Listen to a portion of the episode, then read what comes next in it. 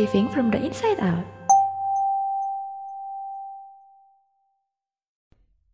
Halo teman-teman, para sahabat sejati yang ingin mencari tahu dan memperdalam pemahaman akan ajaran-ajaran Buddha.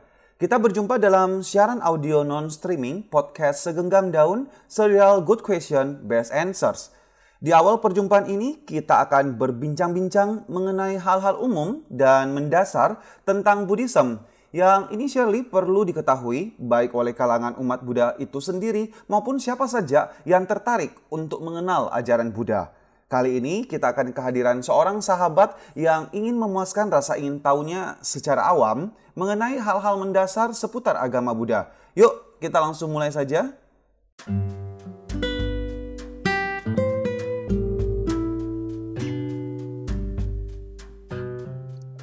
Baik, eh, terima kasih kok untuk kesempatan Mhm. yang diberikan. Mm-mm. Nah, pada kesempatan ini saya akan gunakan untuk menanyakan beberapa hal mengenai ajaran Buddha. Oke. Nah, singkatnya, apa sih agama Buddha? Buddhisme atau ajaran Buddha itu kok? Eh, Oke ya. Eh, jadi untuk awal, simpelnya bahwa Buddhisme itu berasal dari kata Bud yang berarti bangun dan karena itu Buddhisme bisa dikatakan adalah filosofi pencerahan. Filosofi ini berasal dari ajaran atas pengalaman Siddhartha Gautama yang dikenal umat di seluruh dunia sebagai Sang Buddha yang tercerahkan pada usia 35 tahun. Buddhisme saat ini sudah berusia lebih dari 2500 tahun dan memiliki pengikut lebih dari 500 juta orang, sekitar 10% populasi penduduk dunia. Awalnya Buddhisme merupakan filosofi yang berkembang di daratan Asia, namun saat ini telah berkembang pula di Eropa, Australia, dan Amerika. Seperti itu. Hmm, jadi Buddhisme hanya sebuah filosofi ya kok? Eh, Oke, oke, oke. Pertama, kita perlu pahami dulu, apa itu filosofi? Istilah ini berasal dari dua kata, philo yang berarti cinta dan sophia yang berarti kebijaksanaan. Jadi filosofi berarti cinta dari kebijaksanaan atau cinta dan kebijaksanaan. Keduanya dapat menjelaskan Buddhisme dengan sangat sempurna. Buddhisme mengajarkan kita bahwa kita harus mencoba untuk mengembangkan kemampuan intelektual, kebijaksanaan, ya, semaksimal mungkin agar dapat memahami hidup ini dengan jelas. Buddhisme juga mengajarkan kita untuk mengembangkan cinta kasih dan kebaikan agar kita dapat seperti seorang sahabat sejati bagi semua makhluk. Jadi Buddhisme dapat dikatakan sebagai sebuah filosofi, tetapi bukan hanya sebuah filosofi biasa. Buddhisme adalah filosofi yang tertinggi. Hmm, oke. Lalu, siapakah Sang Buddha itu? Hmm, gini, kita mulai dulu dengan membicarakan tentang sejarah kehidupan Siddhartha Gautama, di mana pada tahun 623 sebelum Masehi, seorang bayi terlahir di sebuah keluarga kerajaan di India Utara. Beliau dibesarkan dalam kekayaan dan kemewahan, tetapi pada akhirnya merenungkan bahwa kenikmatan dan kelimpahan duniawi tidak menjamin kebahagiaan. Beliau sangat tergerak oleh penderitaan yang ditemukan di luar istana, lalu bertekad untuk mendapatkan kunci kebahagiaan dan keselamatan manusia. Ketika berusia 29 tahun, beliau meninggalkan istri dan putranya pergi untuk belajar kepada guru-guru religius besar pada saat itu. Mereka mengajarkan beliau sedemikian banyaknya, tetapi tiada satupun yang sesungguhnya mengetahui penyebab penderitaan manusia dan cara untuk mengakhirinya. Akhirnya setelah enam tahun berjuang dengan bermeditasi, beliau akhirnya mendapatkan sebuah pencerahan di mana semua ketidaktahuan lenyap dan beliau pun memperoleh penerangan yang sempurna. Sejak hari itu beliau disebut Sang Buddha yang tercerahkan. Selama 45 tahun beliau lalu berkelana ke seluruh India Utara untuk membabarkan apa yang telah ditemukan beliau. Welas asih dan kesabarannya itu legendaris dan beliau pun memiliki ribuan pengikut pada usia 80 tahun dalam keadaan tua dan sakit, tetapi tetap berwibawa dan penuh kedamaian, beliau akhirnya wafat. Itu kurang lebih kisah dari Buddha Gautama. Oh, oke kok. Eh, tapi bukankah sangat tidak bertanggung jawab jika Sang Buddha meninggalkan istri dan anaknya Oke, kok? oke. Nah, tentunya eh, bukan hal yang mudah bagi Sang Buddha untuk meninggalkan keluarganya. Beliau pasti juga galau dan gelisah sekian lama sebelum akhirnya memutuskan untuk pergi. Tetapi beliau menghadapi pilihan, mengabdikan diri untuk keluarga atau mendedikasikan hidup diri beliau untuk dunia. Pada akhirnya, atas dasar welas asih yang begitu besar membuat beliau mendedikasikan dirinya untuk seluruh dunia. dan bahkan seluruh dunia sekarang masih merasakan manfaat dari pengorbanan beliau. Ini sama sekali bukan tidak bertanggung jawab, tetapi mungkin adalah pengorbanan yang paling besar yang pernah dilakukan oleh seorang manusia. Wah, luar biasa sekali. Lalu jika Sang Buddha sudah meninggal dunia, bagaimana beliau dapat menolong kita kok? Oke, okay, good question. Faraday yang menemukan listrik juga sudah meninggal dunia, tetapi apa yang ditemukannya masih menolong kita. Louis Pasteur yang menemukan banyak obat juga sudah meninggal dunia, tapi penemuan medisnya masih menyelamatkan jiwa banyak orang. Leonardo da Vinci yang menciptakan mahakarya seni juga sudah meninggal dunia, tetapi apa yang telah diciptakannya masih dapat menyenangkan hati dan memberikan kebahagiaan. Pahlawan-pahlawan besar walaupun sudah meninggal dunia selama berabad-abad, tetapi ketika kita membaca jasa-jasa mereka dan pencapaiannya, kita masih dapat terinspirasi untuk meniru jejak keteladanan mereka. Ya, Sang Buddha telah wafat, tetapi selama 25 abad dan bahkan hingga waktu-waktu terus mendatang, ajarannya masih tetap menolong umat manusia, menjadi inspirasi bagi semua umat manusia, mengubah hidup umat manusia. Hanya seorang Buddha yang dapat memiliki kekuatan seperti itu hingga jauh berabad-abad setelah wafatnya. Betul kan? Wah. Jadi kalau begitu, apakah Sang Buddha adalah Tuhan yang dapat menolong kita kok? Hmm, bukan, bukan, bukan, bukan. Beliau tidak mengaku bahwa beliau adalah Tuhan, anak Tuhan, atau bahkan utusan Tuhan. Beliau adalah seorang manusia seperti kita yang menyempurnakan dirinya dan mengajarkan bahwa jika kita mengikuti teladannya, kita pun dapat sesempurna beliau. Loh, jika Sang Buddha bukan Tuhan, mengapa orang-orang memujanya? Ada beberapa tipe pemujaan. Ketika orang-orang menyembah Tuhan, mereka memujinya, memberikan persembahan, dan memohon berbagai keinginan-keinginan mereka meyakini bahwa Tuhan akan mendengar pujian mereka, menerima persembahan mereka, dan menjawab doa-doa mereka. Seorang Buddhis tidak melakukan pemujaan seperti itu. Pemujaan jenis lainnya adalah ketika kita menunjukkan rasa hormat pada seseorang atau pada sesuatu yang kita kagumi. Ketika seorang guru berjalan memasuki sebuah ruangan, murid-muridnya lantas berdiri dan membungkukkan badan. Begitu pula ketika kita bertemu orang yang terhormat, kita menunduk atau berjabat tangan. E, demikian juga ketika lagu kebangsaan dinyanyikan atau bendera dikibarkan, kita bersikap hormat. Semua ini adalah sikap pemujaan dan menunjukkan rasa kagum serta hormat kita untuk orang atau hal-hal tertentu. Inilah tipe tipe pemujaan yang dilakukan oleh umat Buddha. Sebuah patung Buddha dengan wajah yang demikian tenang dan senyum yang penuh welas asih mengingatkan kita untuk berusaha mengembangkan kedamaian dan cinta kasih di dalam diri kita. Ketika membungkuk, bersimpuh, hingga bersujud di depan sosok patung Buddha, sesungguhnya ini bukan menyembah sebentuk patung tersebut, namun merupakan cara untuk menunjukkan rasa hormat dan terima kasih kita kepada Sang Buddha untuk apa yang telah diberikan melalui ajaran beliau. Inilah arti sesungguhnya dari pemujaan seorang Buddhis. Hmm. Uh, tetapi kok begitu banyak ya orang di luar sana beranggapan bahwa umat Buddha itu hmm. memuja berhala. Ya, ya, ya, ya, ya. Saya tahu, saya tahu. Pernyataan-pernyataan itu justru hanya memperlihatkan dengan jelas ketidakpahaman orang-orang yang mengatakannya. Kamus mendefinisikan berhala sebagai sebuah gambar, patung, atau benda mati yang disembah sebagai Tuhan. Seperti yang sudah kita bahas tadi, umat Buddha kan tidak mempercayai Buddha sebagai Tuhan Lalu bagaimana mungkin mereka justru dapat mempercayai sepotong kayu, batu, atau logam patung adalah Tuhan? Semua agama saya rasa menggunakan simbol untuk mewakili keyakinan mereka. Dalam Taoisme, diagram yin dan yang digunakan sebagai simbol harmoni di antara yang saling berlawanan di semesta ini. Dalam Sikhisme, pedang digunakan sebagai lambang perjuangan spiritual. Begitu pula dalam agama-agama yang lain kita menemukan simbol-simbol keyakinan seperti itu. Jadi demikian pula dalam Buddhisme, patung Buddha mengingatkan kita dimensi manusia dalam ajaran Buddhis. Fakta bahwa Buddhisme adalah ajaran tentang manusia dan bukan tentang Tuhan, di mana kita harus melihat ke dalam, bukan keluar, untuk mencari pemahaman dan kesempurnaan.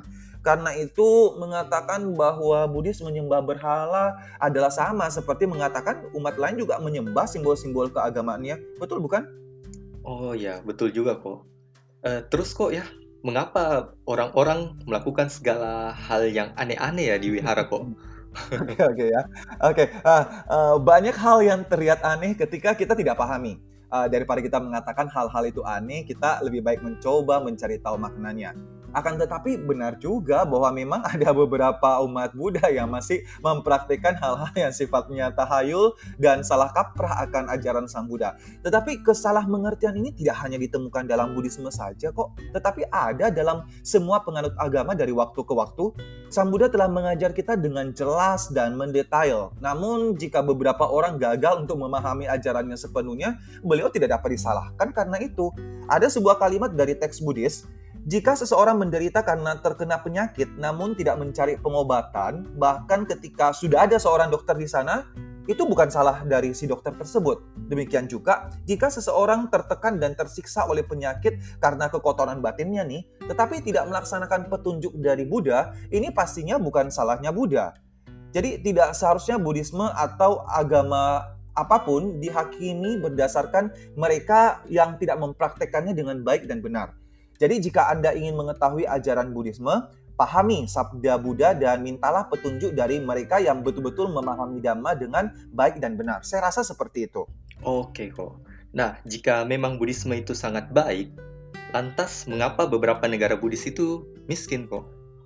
Oke, okay, good question. Ah, gini-gini. Jika miskin yang dimaksud itu adalah miskin secara ekonomi, hmm, maybe hal itu ya mungkin benar ya, bahwa memang beberapa negara Buddhis itu tidak kaya secara ekonomi. Tapi jika miskin yang dimaksud itu adalah miskin dalam tanda kutip secara kualitas hidup, ada kok beberapa negara Buddhis yang juga dalam tanda kutip sangat kaya dalam hal ini. Amerika sebagai contohnya adalah sebuah negara yang secara ekonomi kaya raya dan kuat, adik kuasa, tetapi tingkat kejahatannya salah satu yang tertinggi di dunia. Jutaan orang lanjut usia ditelantarkan oleh anak-anaknya dan meninggal kesepian di panti-panti jompo, kekerasan dan kriminalitas, eksploitasi anak, kecanduan obat-obatan, dan perceraian itu merupakan masalah-masalah yang sudah umum. Inilah contoh kaya dari sisi materi, tetapi miskin dalam hal kualitas hidup. Sekarang, jika kita melihat kehidupan masyarakat di beberapa negara Buddhis, akan ditemukan situasi yang sangat berbeda. Orang tua dihargai dan dihormati oleh anak-anaknya, tingkat kejahatan relatif rendah, perceraian dan bunuh diri jarang, serta nilai-nilai tradisional seperti kelembutan, kemurahan hati, ramah tamah pada orang lain, toleransi, dan menghormati orang lain masih terasa sangat kuat. Secara ekonomi, sesungguhnya masyarakat ini, hmm, oke okay lah, masih tertinggal tetapi mereka memiliki kualitas hidup yang lebih baik dibandingkan negara-negara yang dikatakan makmur dan maju. Akan tetapi tetap ada kok negara-negara Buddhis yang kaya dan dinamis kehidupan ekonominya. Contohnya Jepang, di mana persentase penganut Buddhisnya sangat besar. Mungkin seperti itu. Oke kok. Uh, tapi dengar-dengar ya kok ya, sangat banyak sekte dalam Buddhisme. Apakah benar hmm. seperti itu kok? Oke hmm. hmm. oke, okay, okay. gini, ada banyak tipe permen yang model lama, baru, lunak, keras, berlapis coklat, ada isinya, dan lain-lain. Tetapi tunggu dulu, semua permen itu memiliki satu rasa, yaitu rasa manis. Permen tersebut diproduksi dalam bentuk berbeda dan dinikmati dengan cara yang berbeda pula. Demikian pula Buddhisme. Ada Buddhisme Theravada, Mahayana, Wajrayana, atau Tantrayana. Di dalamnya semua itu lagi ada Buddhisme Zen, Buddhisme Tanah Suci, Buddhisme Yoga Cara, dan beberapa tradisi Buddhis lainnya. Akan tetapi semuanya adalah ajaran-ajaran Buddha dan semua memiliki rasa yang sama, yaitu rasa pembebasan, sebagaimana yang dinyatakan oleh Buddha. Buddhisme telah berevolusi menjadi bentuk-bentuk berbeda agar dapat sesuai dengan tatanan kebudayaan yang berbeda di mana Buddhisme itu berkembang. Dari luar, Buddhisme mungkin terlihat berbeda-beda, tetapi kesemuanya jelas mengajarkan tentang empat kebenaran mulia dan jalan mulia berunsur delapan. Agama-agama lain, tidak hanya Buddhisme, juga memiliki banyak aliran atau sekte kok. Dalam Buddhisme, perbedaan antar aliran itu selalu dipandang dengan toleransi dan kekeluargaan. Saya rasa seperti itu. Oke kok. Lalu apakah umat Buddha berprinsip bahwa Buddhisme yang paling benar dan keyakinan lainnya adalah sesat? Hmm, hmm. Tidak ada Buddhis yang mendalami ajaran Buddha mengklaim bahwa agama lain adalah sesat. Saya yakin siapa pun yang berusaha menggali dan mempelajari berbagai ajaran agama dengan pikiran terbuka dapat berpikir seperti itu juga. Yang pertama dapat kita ketemukan ketika mempelajari berbagai ajaran agama yang berbeda adalah seberapa banyak persamaannya. Semua agama mengakui bahwa kondisi manusia sekarang adalah tidak memuaskan. Semua percaya bahwa perubahan cara berpikir dan tingkah laku dibutuhkan jika ingin memperbaiki situasi manusia sekarang. Semua mengajarkan etika dan kebajikan, termasuk cinta, kasih sayang, kesabaran, kemurahan hati, dan tanggung jawab sosial. Begitu pula semua menerima keberadaan sesuatu yang disebut dengan absolut. Mereka menggunakan bahasa-bahasa berbeda, nama-nama yang berbeda, lambang-lambang yang berbeda untuk menggambarkan dan menjelaskan hal-hal ini. Hanya orang yang berpikiran sempit yang memiliki ketidaktoleransian, kesombongan, dan merasa paling benar sendiri. Bayangkan, orang Inggris, orang Perancis, orang Tionghoa, dan orang Indonesia sedang duduk bersama mengamati sebuah cangkir. Orang Inggris akan berkata, itu adalah cup. Orang Prancis akan menjawab, bukan, itu adalah tase. Kemudian orang Tionghoa berkomentar, eh kamu berdua salah, itu adalah sebuah pay. Akhirnya orang Indonesia menertawakan mereka dan berkata, bodoh sekali kalian, itu adalah sebuah cawan. Kemudian orang Inggris membuka kamus dan menunjukkan pada lainnya. Saya dapat membuktikan kalau itu adalah sebuah cup. Kamu saya berkata demikian. Kalau demikian kamus kamu salah kata orang Prancis karena kamu saya dengan jelas mengatakan itu adalah tase. Orang Tionghoa mengejek. Kamu saya bilang itu adalah sebuah pei. Dan kamu saya itu ribuan tahun lebih tua dibanding kamus kamu. Karena itu kamu saya pasti yang paling benar. Lagi pula begitu banyak orang di dunia ini menggunakan bahasa Mandarin. Dan karena itu pasti itu namanya adalah pei. Sementara kita meributkan dan berdebat, satu orang lagi datang dan minum dari cangkir itu dan berkata pada yang lainnya, apa pun namanya, mau itu namanya cup, tase, pei, cawan, Pokoknya fungsi dari cangkir ini menampung air sehingga bisa diminum. Berhentilah berdebat dan mari minum. Berhentilah meributkannya dan hilangkan dahagamu dengan benda ini. Ini adalah sikap Buddhis pada ajaran agama lain. Gimana? Paham ya maksudnya ya? Ya, uh, paham kok. Lalu berarti semua umat Buddha meyakini bahwa semua agama adalah sama? Agama adalah sebuah fenomena yang sangat kompleks dan terlalu luas untuk diwakili oleh sebuah statement yang sederhana seperti itu. Sebagai seorang Buddhis mungkin berkata bahwa pernyataan ini mengandung elemen kesalahan dan kebenaran. Buddhisme mengajarkan bahwa tidak ada personal God atau Tuhan secara personal, sementara dalam ajaran lain ditemukan sosok Tuhan yang personal. Hmm, saya pikir ini adalah sebuah perbedaan yang sangat penting. Tetapi, dalam hampir setiap kitab suci agama lain, kita mungkin akan menemukan ajaran tentang cinta kasih, kesabaran, kebaikan, yang tidak irilah, tidak sombong, tidak pemarah, serta pemaaf. Ini sama persis seperti apa yang diajarkan Buddhisme, bahwa kualitas hati lebih penting dari kehebatan dan kesaktian supernatural apa pun yang mungkin bisa kita miliki. Jadi kesimpulannya ketika kita sampai pada konsep teologi, teori Buddhisme dan ajaran agama lain tentu berbeda. Tetapi bila menilik dari pandangan mengenai kualitas batin, etika, dan tingkah laku umat manusia, hmm, ajaran-ajaran agama yang ada saya rasa sangat mirip kok. Oh ya kok. Uh, lalu kok saya sering mendengar pernyataan hmm? bahwa Buddhisme itu ilmiah. Nah, kira-kira hmm. bagaimana ya kok penjelasannya? Oke, okay, uh, eh, sebelum kita jawab pertanyaan itu akan lebih baik kita mendefinisikan kata ilmiah dahulu. Ilmiah kalau menurut kamus itu adalah pengetahuan yang dapat dibuat menjadi sebuah sistem berdasarkan pada melihat dan membuktikan fakta-fakta sebagaimana hukum alam umum dan cabang-cabang pengetahuan lainnya yang kesemuanya dapat dipelajari secara pasti ada aspek-aspek dalam Buddhisme yang kurang klop dalam batasan tersebut. Tetapi doktrin Buddhisme utama yaitu empat kebenaran mulia tentu sangat memenuhi kriteria ilmiah. Penderitaan sebagai kebenaran mulia pertama adalah sebuah pengalaman yang dapat didefinisikan, dialami, dan diukur. Kebenaran mulia kedua yang menyatakan bahwa penderitaan memiliki penyebab alami, yaitu nafsu keinginan yang sama juga dapat didefinisikan, dialami, dan diukur belum ada yang mencoba untuk menjelaskan penderitaan dalam istilah-istilah konsep metafisik atau mitos karena dari sudut ilmiah saja sudah sangat jelas. Menurut kebenaran mulia ketiga, akhir penderitaan yang tidak bergantung pada sosok maha kuasa dengan keyakinan atau iman atau dengan doa-doa, tetapi dengan menghilangkan penyebabnya. Ini tidak terbantahkan Kebenaran mulia keempat, jalan untuk mengakhiri penderitaan. Sekali lagi, tidak berhubungan dengan metafisik, tetapi bergantung pada tingkah laku dengan cara-cara tertentu. Dan sekali lagi, tingkah laku ini terbuka untuk diuji.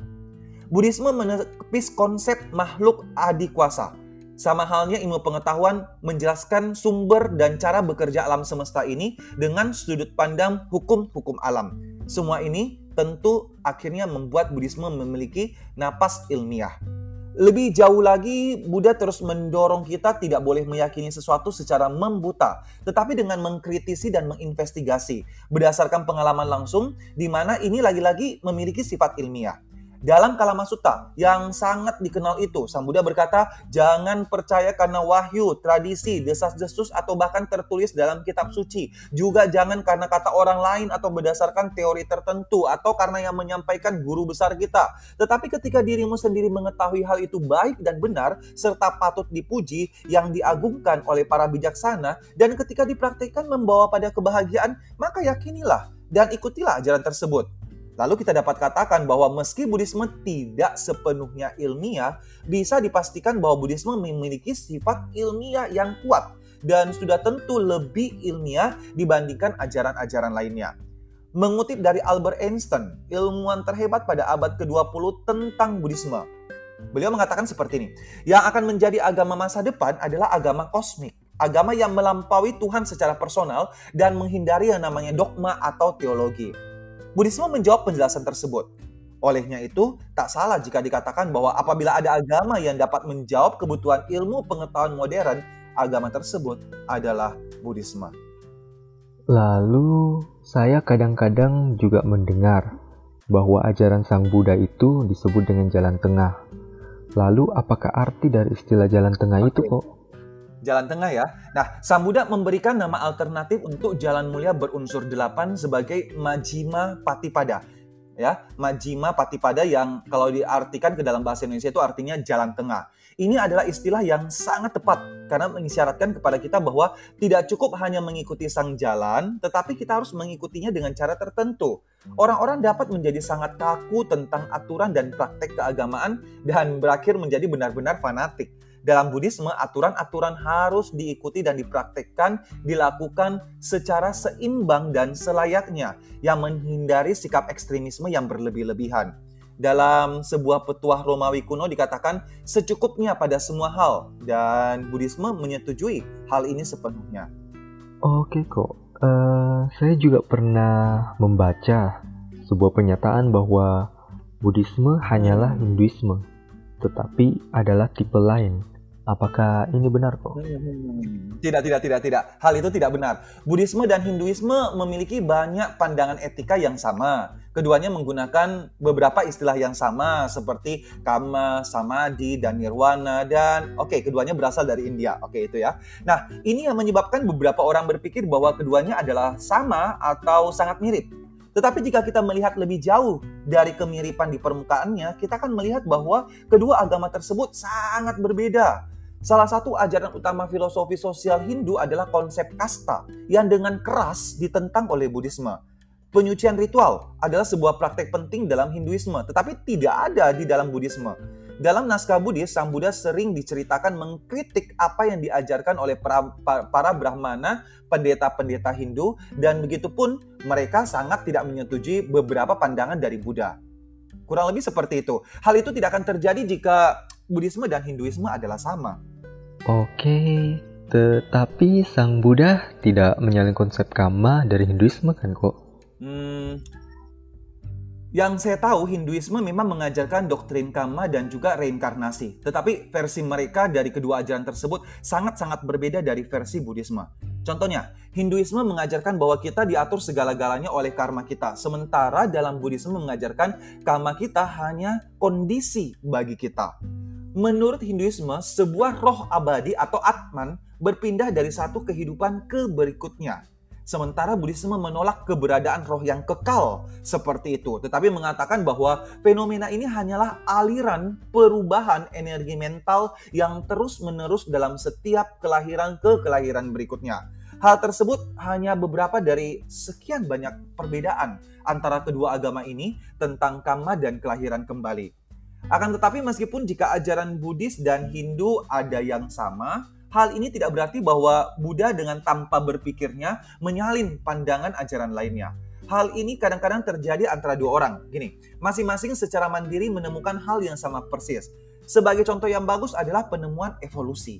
Pada tahun 1858, sesaat sebelum ditemukannya atau dituliskannya The Origin of the Species oleh Charles Darwin yang mendapatkan bahwa ada orang lain yang bernama Alfred Russel Wallace telah mengutarakan pandangan evolusi yang sama seperti yang telah dia lakukan. Darwin dan Wallace tidak saling menyalin ide di antara mereka, tetapi dengan mempelajari fenomena yang sama, mereka sampai pada kesimpulan yang sama pula tentang itu. Maka, bahkan jika pandangan Hindu atau Buddhis tentang karma dan kelahiran ulang andai pun sama persis, yang sebenarnya juga tidak ya, hal ini bukanlah bukti dari yang namanya meniru. Sebenarnya adalah melalui pandangan mendalam yang dikembangkan dengan meditasi para pertapa Hindu, tetapi tidak memahami tentang karma dan kelahiran kembali, ya akhirnya nanti kemudian dibabarkan oleh Buddha dengan lebih lengkap dan lebih tepat. Nah, gini-gini, uh, di episode-episode yang mendatang kita boleh-boleh saja berdiskusi lebih lanjut dan lebih jauh lagi mengenai doktrin-doktrin Buddhisme tersebut. Gimana? Oke kok. Ya, terima kasih untuk perbincangan yang amat menarik ini kok. Oke. Ini sangat benar-benar menambah wawasan dan pengetahuan saya mengenai agama Buddha. Oke. Semoga masih ada kesempatan selanjutnya untuk berdiskusi lebih lanjut mengenai seluk-beluk agama Buddha. Oke, sip. Thank sip. you kok. Oke, sama-sama.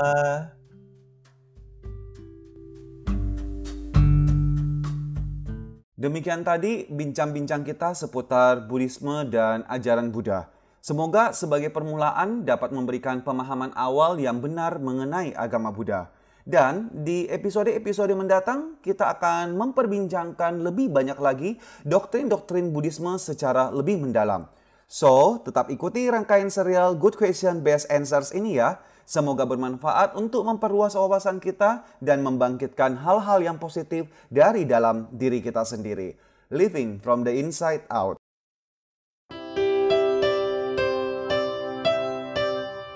Living from the inside out.